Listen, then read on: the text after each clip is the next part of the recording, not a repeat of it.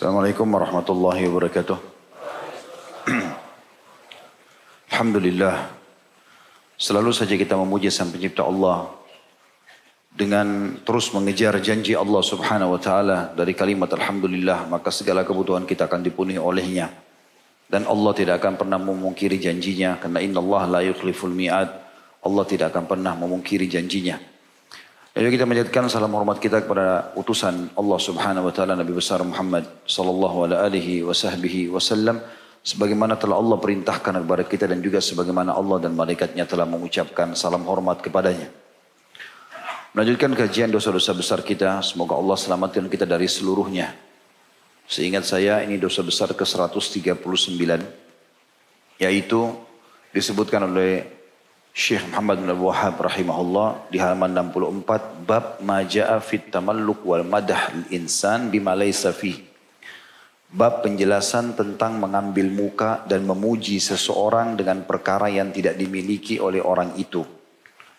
Juga kita akan lanjutkan dengan bab yang setelahnya di halaman langsung 65 Bab maja'a fin nahyi an kaunil insan maddahan. Bab penjelasan tentang larangan seseorang suka memuji. Saudaraku seiman.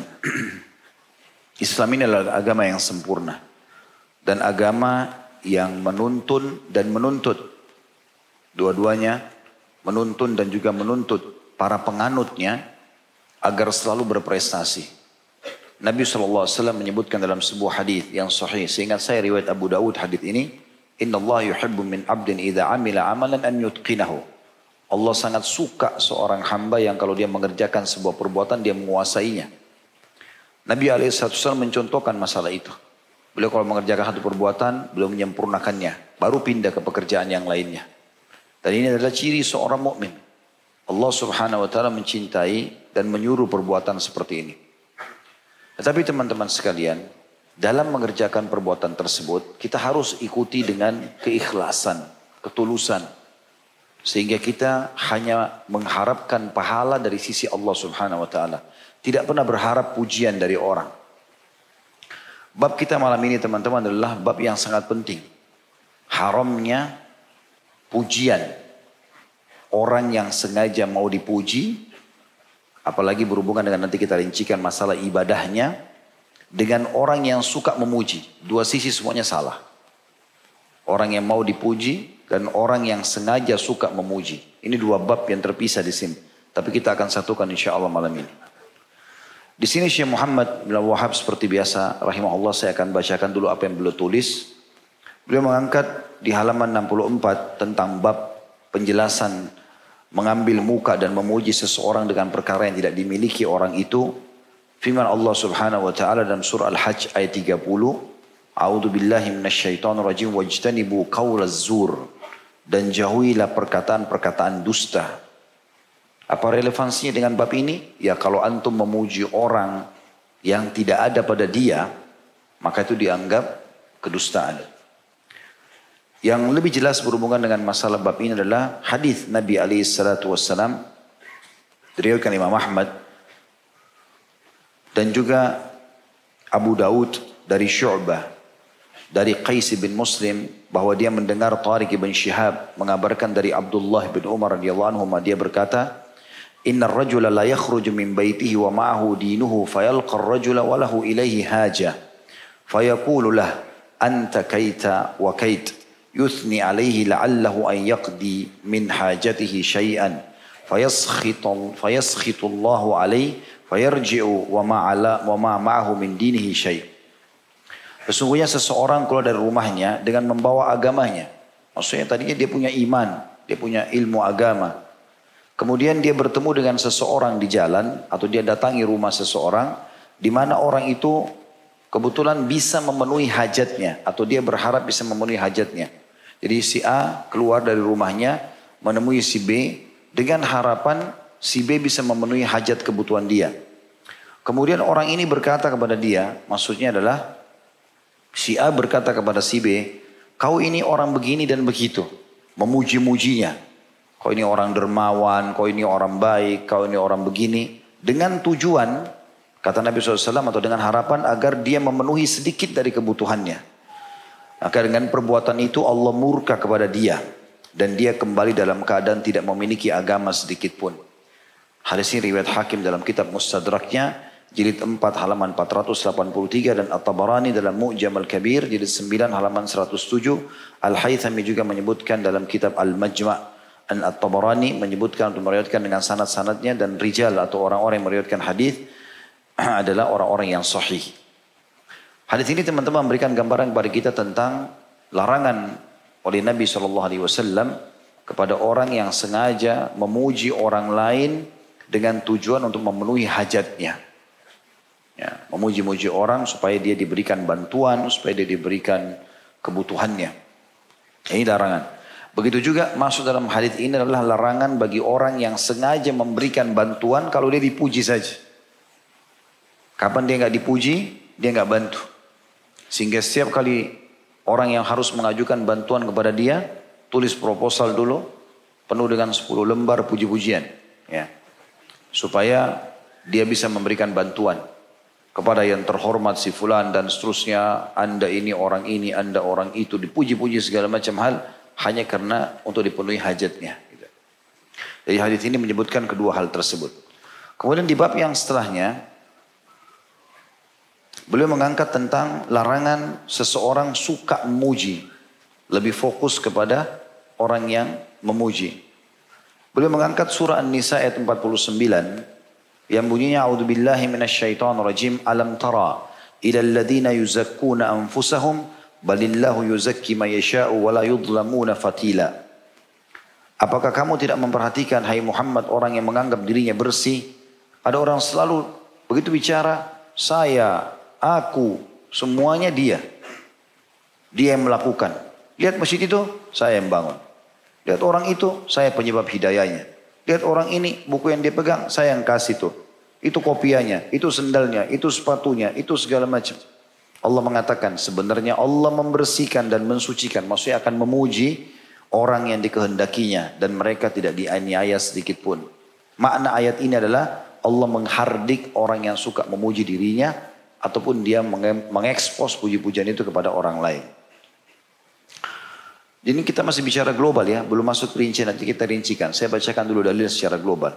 Kemudian beliau mengangkat juga hadis riwayat Muslim di nomor 3002 dari Al-Miqdad radhiyallahu anhu anna rajulan ja'ala yamdahu Uthman fajatha fajatha al-miqdadu ala rukbatayhi faja'ala yahthu fi wajhihi turab faqala lahu Uthman ma sya'nuk فقال إن رسول الله صلى الله عليه وسلم قال إذا رأيتم المداحين فاحثوا في وجوههم التراب bahwasanya seseorang memuji-muji Uthman bin Affan radhiyallahu anhu ajma'in kemudian Al-Miqdad radhiyallahu anhu sahabat yang meriwayatkan hadis ini berlutut pada kedua lututnya maksudnya duduk di atas lututnya dia pun mulai menaburkan debu pada wajah orang yang memuji Uthman dia duduk lalu diambil pasir atau debu dilempar ke wajahnya orang yang memuji Utsman. Akhirnya Utsman bertanya kepada Mikdad, ada apa denganmu? Kenapa kau lempar muka orang yang dengan debu dengan pasir? Maka Mikdad berkata, anhu majma'in, sungguhnya Rasulullah SAW telah berkata, jika kalian melihat orang-orang yang suka memuji, maka taburkanlah tanah di wajah mereka. Ya, hadis ini riwayat Imam Muslim sebenarnya saya katakan ya. Juga dalam Musnad Imam Ahmad disebutkan di nomor 16460 dan Syekh Albani mensahihkan dalam Sahihul Jami' nomor 2674 dari Muawiyah radhiyallahu anhu secara marfu iyyakum wal madha fa innahu dzabhu. Hati-hati kalian dari pujian karena sungguhnya pujian itu seperti penyembelihan. Seperti penyembelihan. Ini kurang lebih globalnya apa yang dibahas atau diangkat dalil oleh Syekh Muhammad bin Abu Wahab rahimahullah berhubungan dengan masalah bab pujian ini. Kita sekarang teman-teman sekalian akan coba masuk kerincian masalah ini. Khusus masalah pujian, maka ada pujian yang haram, ada pujian yang mubah, boleh. Kalau pujian yang haram, yang pertama adalah pujian terhadap ibadah seseorang atau pujian terhadap ibadah sendiri. Hukumnya haram. Jadi kalau dia puji dirinya pun ibadahnya, selain ria, karena ria dosa besar juga haram. Begitu juga dengan memuji ibadah orang lain. Terutama di depan dia. Kalau dia puji orang di belakang, orang itu tidak dengar boleh. Tapi kalau di depan matanya, oh kamu ini luar biasa puasamu ya. Kamu luar biasa ibadahmu ya. Kamu udah bolak-balik pergi haji. Kamu begini dan begitu dia puji. Ini hukumnya haram. Yang memuji ini berdosa. Yang dipuji dilihat hukumnya. Kata para ulama. Kalau dia memang menunggu pujian itu. Dia berharap dia juga dosa. Tidak boleh di sini. Tapi kalau dia dipuji dan dia ikrah, dia tidak suka. Cuma mungkin di keramaian dia nggak bisa nolak, ya sudah. Gitu kan. Dia tidak masuk dalam larangan. Tapi ini termasuk haram. Tidak dibolehkan sama sekali. Dari dalilnya banyak sekali. Di antaranya adalah hadis Abu Bakar radhiyallahu anhu. Ia menceritakan bahwa ada seorang pria disebutkan di hadapan Rasulullah SAW. Lalu ada seorang hadirin memuji orang tersebut. Maka Rasulullah SAW bersabda, hadis yang masyhur. Waihak qata'ta unuq sahibak. Yakuluhu miraran. Celakalah kamu ini. Engkau telah memotong leher temanmu. Berulang kali Nabi SAW mengulangi kalimat itu. In kana ahadukum madihan la mahala falyakul ahsiba kada wa kada. In kana yara annahu kadhalik. Wahasibuhu Allah wa la yuzakki ala Allahi ahad. Kalaupun harus seseorang antara kalian terpaksa harus memuji, maka jangan di depan dia. Dan kalau di belakang pun dia cuma mengatakan begini. Menurut saya sepertinya fulan begini. Menurut saya. Jadi misalnya orang tanya bagaimana menurutmu si fulan. Ada orang yang mau menikah sama anaknya lalu dia tanya tahu gak orang itu. Menurut saya orangnya soleh. Menurut saya kira-kira orangnya ya, solehah misal. Dan dia dianjurkan mengucapkan dan saya tidak memuji ya. Jika betul-betul dia menganggap kondisinya begitu kata Nabi SAW. Dan dia mengatakan uh, dan sebenarnya Allah lah yang mensucikan seseorang dan tidak ada yang suci ya kecuali yang disucikan oleh Allah SWT. Wala uzaki Allah ahad dan saya tidak bisa mensucikan orang di hadapan Allah. Dia Allah yang lebih tahu. Itu kalau betul-betul darurat dia harus memuji. Jadi dua-dua teman-teman ya, dari sisi, dua sisi ya. Sisi kita tidak boleh memuji orang terutama ibadahnya. Kita pun tidak boleh berharap dipuji. Ya. Abu Musa juga berkata oleh anu bahwasanya Rasulullah SAW pernah mendengar seorang laki-laki berlebihan dalam memuji seseorang. Maka beliau bersabda, ahlaktum au qata'tum dhahra rajul. Kalian telah membinasakan dan mematahkan punggung orang itu. Hadis sahih riwayat Bukhari dan juga disebutkan oleh Imam Muslim hadis ini. Kemudian juga ada seseorang laki-laki memuji orang lain di hadapan Umar bin Khattab. Lalu Umar marah. Ya, Umar mengatakan, akar terrajul. Ya, engkau telah menyembelih orang itu. Ya, akarakallah. Semoga Allah menyembelihmu. Gitu. Ini cara Umar. Gitu. Allah. Kalau antum mau ikuti boleh-boleh saja. Lalu Umar berkata, Al-madhu zabah. Ketahuilah puji-pujian itu adalah penyembelihan. Karena memang tadi ada hadis yang kita sebutkan ya. Kalau memuji itu adalah penyembelihan. Tadi sudah kita sebutkan hadisnya yang diriwayatkan oleh Imam Ahmad dalam buku ini diangkat oleh diangkat oleh Syekh Muhammad bin Abu Wahab yaitu iyyakum wal madah fa innahu dzabah. Kemungkinan besar Umar bin Khattab adalah berpegang pada hadis ini radhiyallahu anhu. Hati-hati kalian dengan puji-pujian, baik kalian memuji orang atau kalian dipuji, berharap dipuji karena itu adalah penyembelihan. Dalam arti kata seperti bunuh diri sendiri. Sia-sia semua amal itu. Kalau kita pujikan kepada orang, dia jadi ria, hilanglah pahala dia. Kalau kita dipuji, ya kita pun menunggu pujian tersebut, kita juga bisa jadi ria, hilang juga pahala tersebut. Kemudian teman-teman sekalian, juga pernah ada seseorang di dalam riwayat yang sahih sedang sholat di hadapan Nabi SAW. Sholatnya khusyuk sekali. Bagus. Tapi di ujung masjid. Ya. Kemudian ada beberapa sahabat yang menyaksikan sholatnya orang itu. Rukuknya, sujudnya, ya, tidak semua dengan tumak nina. Tenang sekali. Dan orang lihatnya aja nyaman lihat sholatnya orang ini. Maka ada satu orang sahabat nyeletuk situ mengatakan, Ya Rasulullah, saya suka sekali ibadahnya orang ini. Kata Nabi SAW, jangan sampai kau perdengarkan kepada dia. Kalau kau perdengarkan, maka kau telah membunuhnya. Kau telah membunuhnya. Jadi kalau teman-teman ibadah sebagus apa pun tidak ada yang puji bagus. Malah positif itu. Karena iman tidak boleh. Kita dilarang memuji, kita juga tidak boleh berharap dipuji. Dua sisi ini. Lakukan saja lillahi ta'ala. Kemudian yang kedua teman-teman sekalian, adalah tidak boleh memuji untuk mencari muka. Sengaja supaya dapat kedudukan, dipenuhi hajatnya, ini hukumnya haram. Dia muji, ya. Tadi yang pertama kan tidak boleh puji ibadahnya orang. Tidak boleh juga puji ibadah dia sendiri. Yang kedua, yang pujian haram ini adalah puji cari muka. Ini sama, baik dia puji orang itu supaya dia punya kedudukan, atau dia sengaja memuji-muji orang supaya dia dipuji balik, dia dapat kedudukan di tengah-tengah masyarakat. Dalilnya tadi hadis yang sudah kita sebutkan. Bahwasanya Nabi SAW bersabda ada orang keluar dari rumahnya dia memiliki agama dan iman. Tapi akhirnya dia menemui si fulan kemudian dia memuji-muji orang itu supaya dipenuhi hajatnya. Maka dia akan kembali dalam kondisi Allah murka padanya dan tidak punya agama lagi. Dalam arti kata Allah hapus imannya. Kemudian juga yang ketiga yang pujian haram adalah tidak boleh memuji yang tidak ada atau tidak dimiliki. Yang tidak dimiliki secara mutlak tidak boleh. Hukumnya haram. Ya. Misalnya kita puji-puji, oh kamu dermawan, padahal orangnya bakhil.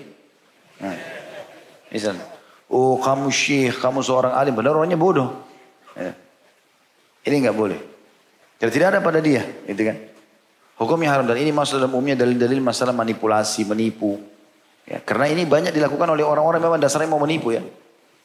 Pernah ada di sedukil kisah, ada orang mengaku nabi palsu. Setelah Nabi Muhammad SAW meninggal gitu. Beberapa waktu di zaman tabi'in gitu, saya lupa juga namanya orang itu.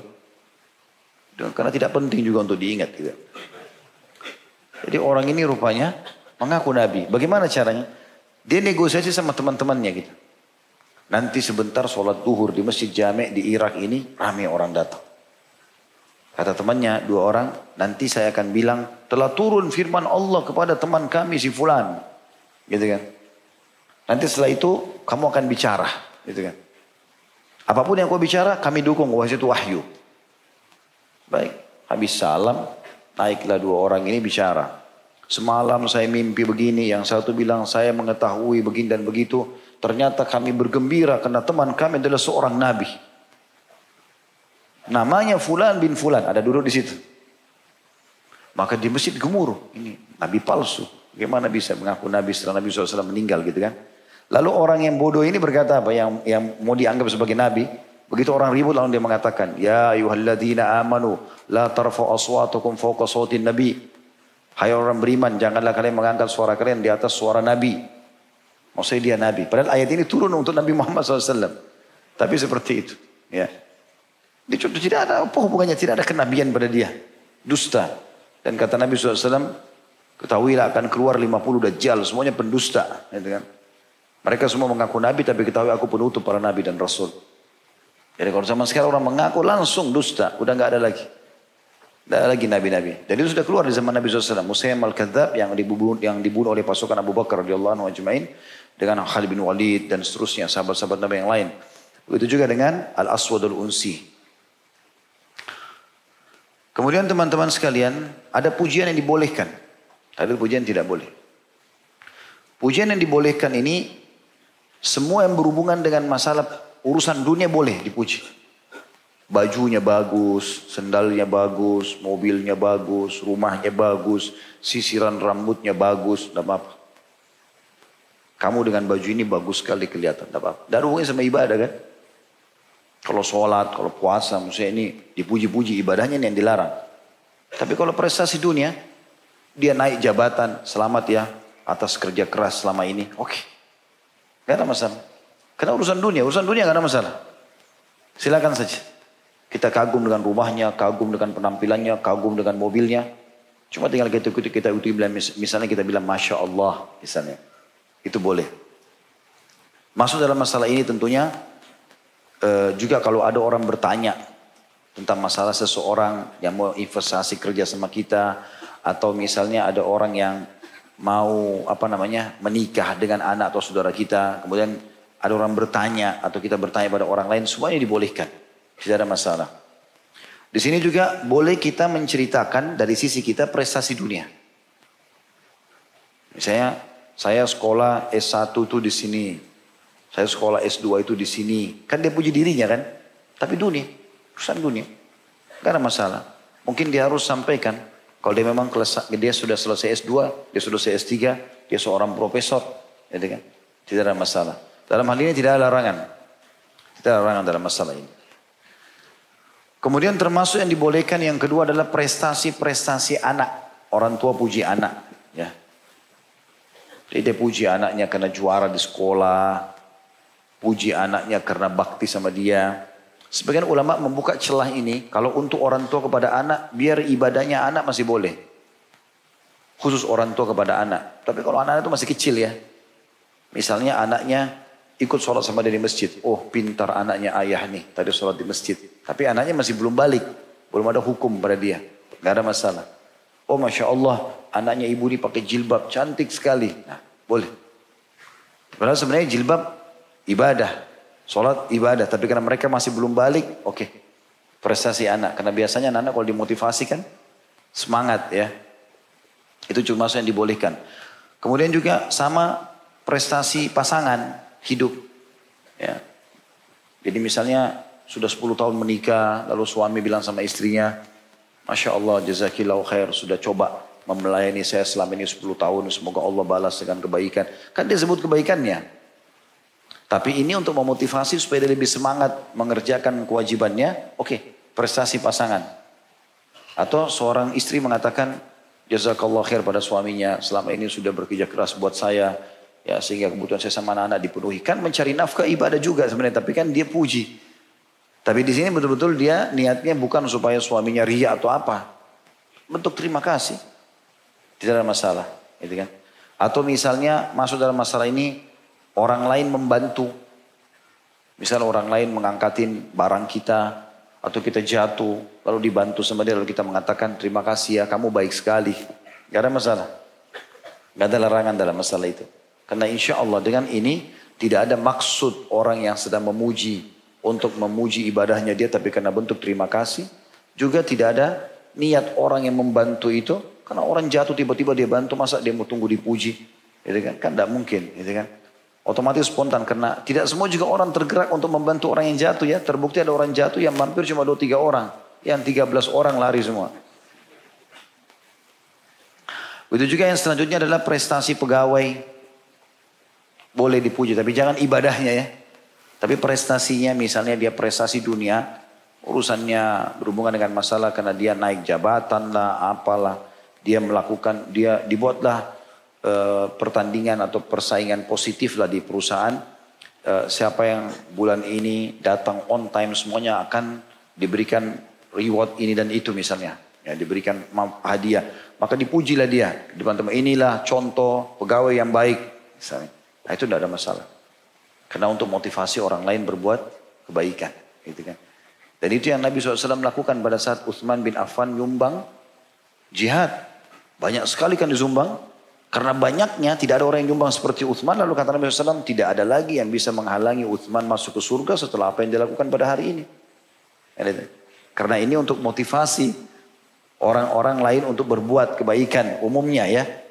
Dan tidak ada maksud Nabi SAW untuk menjatuhkan Uthman. Uthman pun termasuk orang yang bisa mengontrol diri dalam masalah seperti itu. Karena terbukti sahabat-sahabat ini pada saat dipuji malah mereka makin takut. Umar bin Khattab anu dengan banyaknya pujian Nabi SAW kepada beliau, jaminan surga segala macam. Waktu dalam satu statementnya, salah satu statement dia mengatakan begini. Kalau seandainya wahai muslimin di hari kiamat nanti, kalian semua dipanggil atau Allah akan mengatakan seluruh muslimin masuk surga kecuali satu orang. Maka saya khawatir kalau satu orang itu adalah saya. Kata Umar begitu bentuk tawaduknya radhiyallahu anhu. Jadi supaya dia takut. Padahal banyak sekali pujian yang sampai kepada ya, jiwa-jiwa seperti ini. Ya tentu saja sudah kebal dan tidak ada lagi masalah dengan masalah pujian-pujian tersebut. Begitu juga dengan prestasi kejuaraan ya. Pertandingan musabakal Quran misalnya atau tahfidz Quran. Si fulan bin Fulan juara satu, silakan tampil. Ini hadiahnya. Prestasi supaya orang lain termotivasi mau belajar Quran. Ranking satu, urusan kom laut dan segala macam. Boleh. Gak ada masalah. Nah ini hal yang boleh dan hal yang Tidak boleh, gitu kan? Imam Syafi'i rahimahullah memberikan batasan yang baik di sini. Beliau mengatakan banyak sekali hadis dan semua rata-rata itu hadis sahih tentunya yang sifatnya satu sisi memuji, satu sisi melarang pujian. Sehingga kita bisa menyatukan di tengah-tengahnya yaitu melihat kondisi orang tersebut. Apabila orang itu dasarnya tidak ada hubungannya sama dia berhubungan dengan pujian tersebut. Dipuji nggak dipuji tetap saja dia luar biasa. Seperti misalnya para sahabat muji Nabi SAW. Engkau adalah Rasulullah. Engkau adalah kekasih Allah. Nabi SAW biasa saja. Nggak, nggak mempan pujian itu membuat beliau jadi riak gitu ya. Seperti itulah. Dan begitu juga Nabi SAW memuji para sahabat. Tapi secara global seperti misalnya sabda Nabi SAW ya. Di dalam hadis yang sahih Kata Nabi SAW, nikmar rajul Abu Bakar. Lelaki atau pria terbaik layak jadi ayah, jadi teman, jadi suami, ya, jadi anak. Ini yang terbaik Abu Bakar. Nikmar rajul Umar. Juga laki-laki terbaik setelah itu adalah Umar. Nikmar rajul Abu Ubaidah. Laki-laki terbaik setelah itu adalah Abu Ubaidah. Nikmar rajul Usaid bin Khudair. Termasuk laki-laki terbaik adalah Usaid bin Khudair. Nikmar rajul Thabit bin Qais. Dan setelah itu adalah laki-laki terbaik adalah Thabit bin Qais bin Syammah bin, bin Syammas. Ni'mar rajul Mu'adz bin Amr bin Jamuh. Sebaik-baik laki-laki adalah Mu'adz bin Amr bin Jamuh. Mu'adz ayahnya dia Amr bin Jamuh adalah salah satu syahidnya Uhud. Nah ini Mu'adz anaknya. Dan Nabi SAW mengatakan ni'mar rajul Mu'adz bin Jabal. Dan sebaik-baik laki-laki adalah ya, Mu'adz bin Jabal. Juga Nabi SAW memuji, memuji yang lain. Seperti misalnya perkataan beliau atau uh, Abu Bakar dalam hadis Bukhari pada saat bicara masalah hadis isbal itu ya. Yang hadis sahih. Yang kata Nabi SAW semua yang di bawah mata kaki akan masuk neraka. Maka Abu Bakar datang mengatakannya Rasulullah. Saya kalau sholat nih jadi sering melorot sarungnya. Karena Abu Bakar orangnya badannya kurus gitu kan sering melorot sarungnya.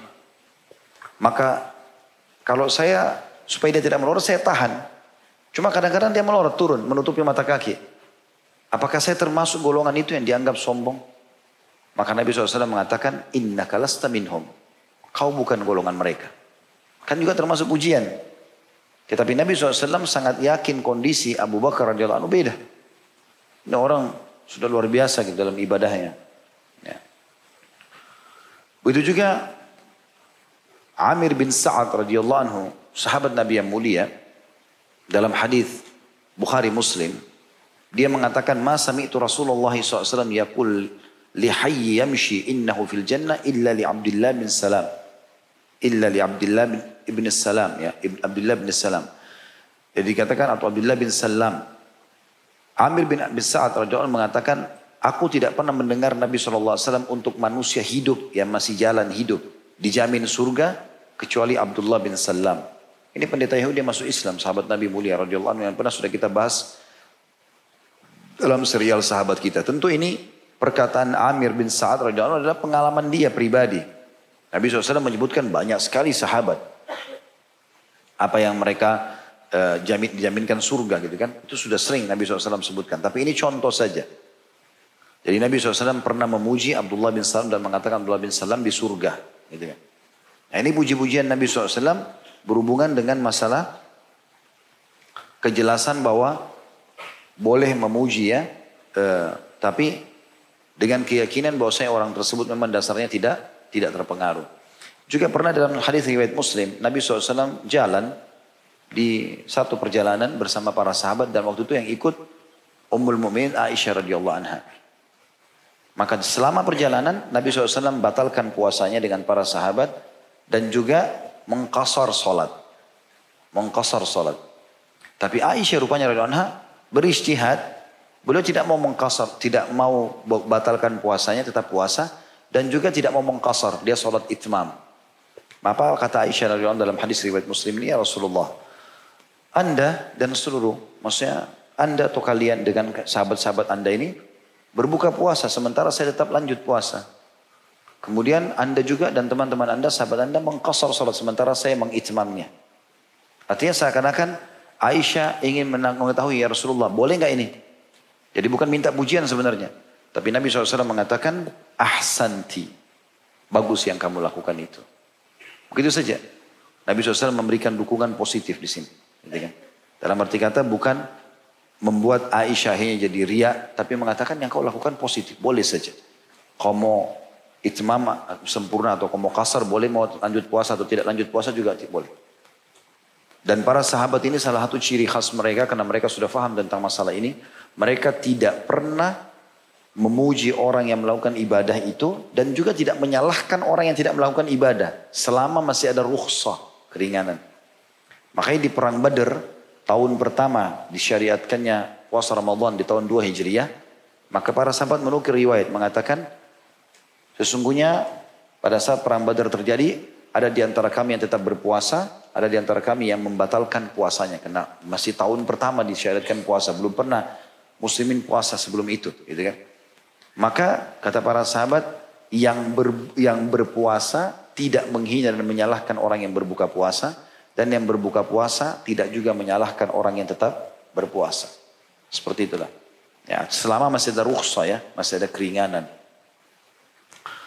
Teman-teman sekalian, khusus bagi orang yang suka memuji-muji ini, memang dilarang dan dia kita harus berikan dia pelajaran gitu, ya. Dan pelajarannya ini kalau memang kita tahu dia medah, sebagaimana di sini di halaman 65 ya. Karena beliau mengkhususkan orang yang medah, yang suka muji. Ini biasanya kalau kita temui dia selalu pujian yang dia lentarkan. Gitu kan. Nah orang seperti ini dianjurkan untuk meletakkan debu di wajahnya. Ya. Banyak riwayatnya, tadi sudah kita sebutkan di antaranya, tapi ada riwayat lain. Dari Abu Ma'mar, dia berkata ada seorang pria berdiri memuji salah, salah seorang gubernur. Maka Migdad bin Aswad menyiramkan pasir ke wajahnya seraya berkata, Amarana Rasulullah SAW an-nahthu fi wujuhil maddahin turab Kami diperintahkan oleh Rasulullah SAW untuk menyiramkan pasir ke wajah orang-orang yang memuji. Hadis ini sahih riwayat Imam Muslim. Juga disebutkan bahwasanya Atta Ibn Abi Rabah rahimahullah salah satu ulama tabi'in berkata bahwa ada seorang pria memuji pria yang lain di hadapan Ibnu Umar radhiyallahu anhu Lalu Ibnu Umar radhiyallahu anhu menyiramkan pasir pada mulutnya, ambil pasir dilempar di mulutnya. Yang memuji seraya berkata, sesungguhnya Rasulullah SAW telah bersabda, "Idza ra'aitum maddahin fahsu ala ujuhim turab." Jika kalian melihat orang-orang yang doyan memuji, maka siramkanlah pasir ke wajahnya. Ini juga hadis yang sahih. Berarti di sini jelas sekali larangan-larangan untuk memuji tentunya ya. Ada juga sebuah riwayat. Riwayat ini disebutkan dari Mihjan al-Aslami. Jadi ada empat orang yang dibahas dalam riwayat ini. Ada Mihjan al-Aslami. Menceritakan tentang seseorang yang bernama Roja. Raja ini, maaf, Raja ini menceritakan tentang Mihjan al-Aslami. Raja ini berkata, orang ini bernama Roja ya. Saya berjalan bersama Mihjan pada suatu hari hingga kami sampai di masjid milik penduduk Basrah. Ya. Akbal tu atau akbal tu ma'al Mihjan zata yawmin hatta intahina ila masjid ahli Basrah. Saya langsung terjemahkan saja. Pada saat itu ada satu orang, ini orang yang ketiga, bernama Buraidah Ibn Husayb. Sedang duduk di salah satu pintu masjid. Di masjid yang maksudnya mereka masuk ini. Pada masjid itu terdapat seorang laki-laki bernama Sukbah. Ya, jadi Roja cerita tentang Mihjan. Di dekat pintu jalan sama-sama Mihjan. Di pintu masjid ada satu orang yang bernama ya, Buraidah. Dan dalam masjid namanya seseorang yang bernama Sukbah lagi sholat, lagi ibadah. Dan Sukbah ini melaksanakan sholat yang sangat panjang. Khusyuk, konsentrasi. Ketika Roja dan Mihjan mau keluar, Buraidah ini berkata, karena dia orangnya suka humoris, Sambil bercanda dia mengatakan begini. Ya Mihjan, atau solli kama yusolli sukbah. Wahai Mihjan, apa kau juga sholat seperti sholatnya sukbah? Maka Mihjan tidak menjawab. Tapi dia langsung pulang. Lalu Roja berkata, Mihjan lalu berkata, Sesungguhnya Rasulullah SAW pernah memegang tanganku. Lalu kami pergi bersama hingga menaiki gunung Uhud. Kemudian beliau SAW menatap ke kota Madinah. Seraya beliau bersabda, kota Madinah ini terancam bahaya. Maksudnya sepeninggalku nanti akan banyak masalah mungkin terjadi gitu kan. Dia ditinggalkan oleh penghuninya dan nanti di akhir zaman menjelang hari kiamat penduduknya semua akan tinggalkan kota Madinah. Sementara mereka dalam keadaan makmur, nggak ada yang kurang. Lalu Dajjal mendatanginya, lalu mendapati malaikat pada setiap pintunya, maka dia tidak dapat memasuki Dajjal maksudnya. Lalu Nabi SAW turun dari gunung Uhud, kemudian kami sampai di masjid. Lalu Rasulullah SAW melihat seorang pria melaksanakan sholat, sujud dan ruku. Lalu beliau bersabda, Man hada? Siapa orang ini? Maka Mihjan berkata, Ya Rasulullah ada fulan. Wahai Rasulullah ini si fulan. Dan kondisinya begini. Maksudnya orangnya begini memang. Kalau sholat apa bagus gitu. Maka kata Nabi SAW kepada Mihjan, Amsik, la tusmi'u fatuhlikuhu. Jaga lisanmu. Jangan kau ucapkan itu. Karena itu akan bisa membinasakan dia. Jadi di sini yang saksi bahasa adalah perkataan ini ya. Masih ada lanjutan hadis, Mihjan berkata, lalu Nabi SAW pergi, ketika sampai di rumah beliau, beliau pun seolah-olah meniup kedua telapak tangannya, membersihkan, kemudian mau masuk dalam rumah, lalu beliau mengatakan, sesungguhnya sikap beragama yang terbaik adalah mengerjakan kewajiban agama sesuai dengan kemampuan. Lalu beliau mengulangi itu sampai tiga kali. Beliau mengulangi itu sampai Tiga kali. Baik teman-teman sekalian. Ada perkataan yang baik dari Ibnu Ajiba. Janganlah engkau tertipu dengan pujian orang lain yang menghampirimu. Karena sesungguhnya mereka yang memuji tidaklah mengetahui dirimu sendiri. Kecuali yang nampak saja bagi mereka. Sedangkan engkau sendiri yang lebih mengetahui isi hatimu. Jadi kalau orang puji, jangan kau bangga dengan itu. Karena sebenarnya dia kau lebih tahu tentang dirimu, mungkin dia salah. Makanya Zainal Abidin rahimahullah salah satu cucu Nabi SAW yang masyhur dalam kisahnya. Dia pernah jalan terus tiba-tiba orang caci maki. Kau ini mentang-mentang cucu Nabi begini begitu macam-macam dicaci maki segala macam dia diam saja. Setelah dia diam, setelah, karena dia diam orang itu kehabisan kata-katanya. Akhirnya dia malu sendiri. Lalu kata Zainal Abidin rahimahullah, dia mengatakan kalimat yang masyhur. Dia bilang, wahai fulan, itu yang baru kau tahu. Sebenarnya yang kau tidak tahu masih banyak. Dan andai saja kalau kau tahu kesalahan-kesalahan kami, mungkin kau akan lebih banyak bicara dari masalah itu. Padahal sebenarnya ada pengawalnya, Zainal Abidin ini memukul orang itu tapi ditahan. Kalau kemudian Zainal Abidin mengatakan, kalau seandainya perkataanmu semua ini yang kau caci maki aku segala macam ini adalah tujuannya tujuannya untuk mendapatkan sesuatu, ucapkanlah. Kalau orang itu diam, malu. Dia buka jubahnya dikasih orang itu.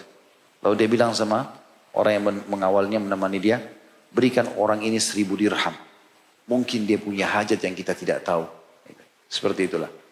Jadi luar biasa mereka bagaimana menangani orang-orang yang seperti ini. Baik bagaimana kalau setelah terlanjur kami dipuji Ustaz? Ada doanya.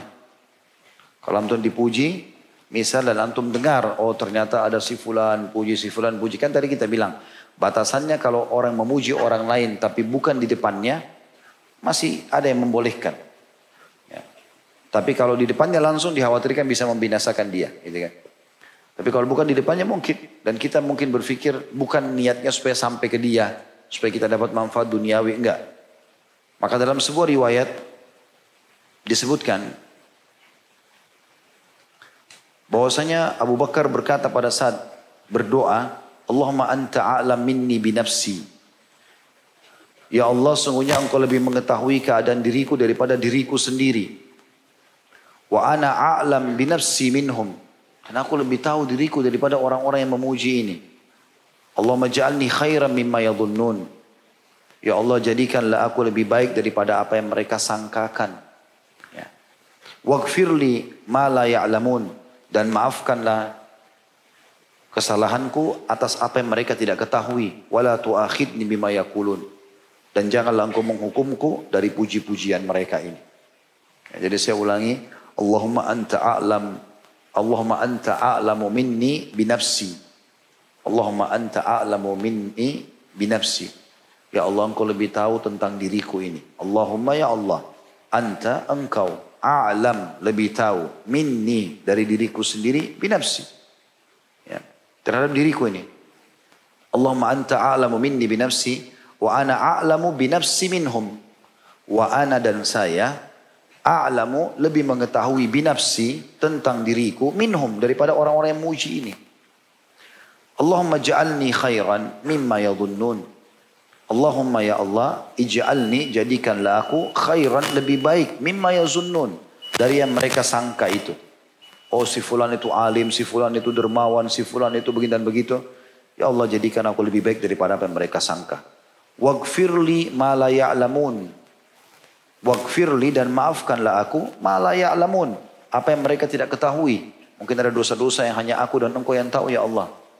Waghfirli ma la ya'lamun wala tuakhidni bima yakulun wala tuakhidni dan janganlah engkau menyiksa aku atau menghukumku bima yakulun atas apa yang mereka ucapkan itu jadi saya ulangi sekali lagi Allahumma anta a'lamu minni binafsi wa ana a'lamu binafsi minhum Allahumma ja'alni khairan mimma yadhunnun waghfir li ma la ya'lamun wa la tuakhidni bima yaqulun Allahu a'lam Subhanakallahumma bihamdika asyhadu an la ilaha illa anta astaghfiruka wa atubu ilaik Wassalamualaikum warahmatullahi wabarakatuh